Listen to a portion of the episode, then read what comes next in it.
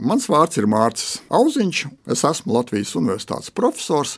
Ikdienā mācu studentiem kvantu fiziku un nodarbojos ar pētniecību kvantu fizikā. Un šodien pastāstīšu dažas lietas par kvantu fiziku. Bet iesākumā tāds pavisam īss ievads.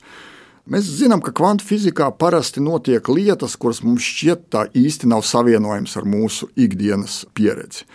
Un vienā situācijā, kad es stāstīju par kvantu fiziku skolotājiem, Pēc lekcijas pie manis pienāca viens no skolotājiem un teica, profesor, tas, ko jūs stāstījāt, bija fantastiski interesanti.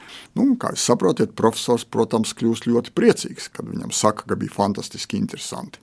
Un tad šis kungs turpina, bet ziniet, es neko nesapratu. Un tajā brīdī tad kā augsta duša, un es sāku domāt, kā tas ir iespējams, ka neko nesaprast un būt interesanti. Un uh, ātri vien mēs nonācām pie kopīgas sapratnes, ka tas ir tādēļ, ka uh, lietas, par ko es stāstu, ir saprotama jēga, ko es gribu pateikt, bet ir absolūti neiespējami saprast, kā tas ir iespējams, kā tā var būt. Un viena no šīm neiespējamām lietām, par kurām es šodien gribu pastāstīt, mēs esam dzirdējuši, ka kvantu pasaulē iespējams, ka esam dzirdējuši elektroni, atomi, molekulas vienlaicīgi var būt daļiņa un vienlaicīgi var būt vilnis. Tā šķiet absolūti neiespējama situācija.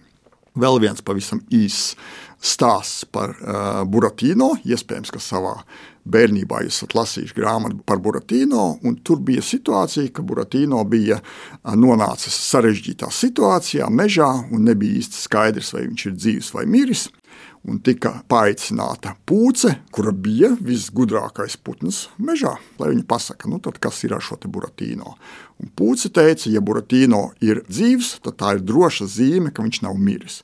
Absolūti dzelžaina loģika.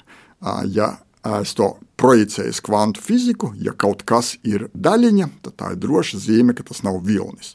Un tagad es pēkšņi saku, ka kaut kas var būt vienlaicīgi daļiņa un vienlaicīgi vilnis.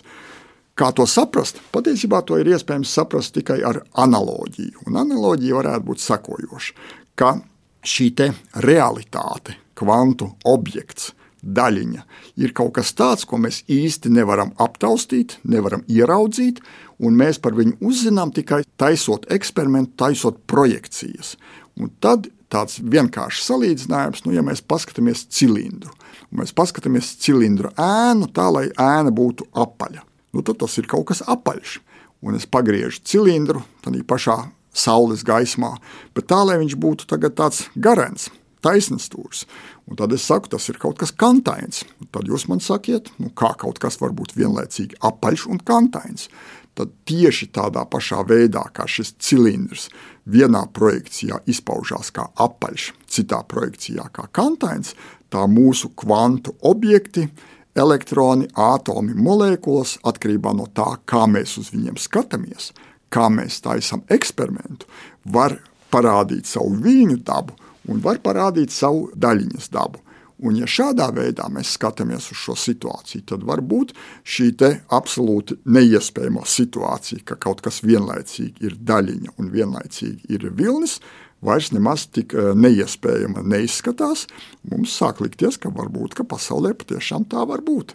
Un fiziķi, kvantu fiziķi saka, ka pasaulē ne tikai tā var būt, bet pasaulē pavisam noteikti mikropasaulē, mazu daļiņu pasaulē, elektronu, atomu un molekulu pasaulē tieši tā arī ir.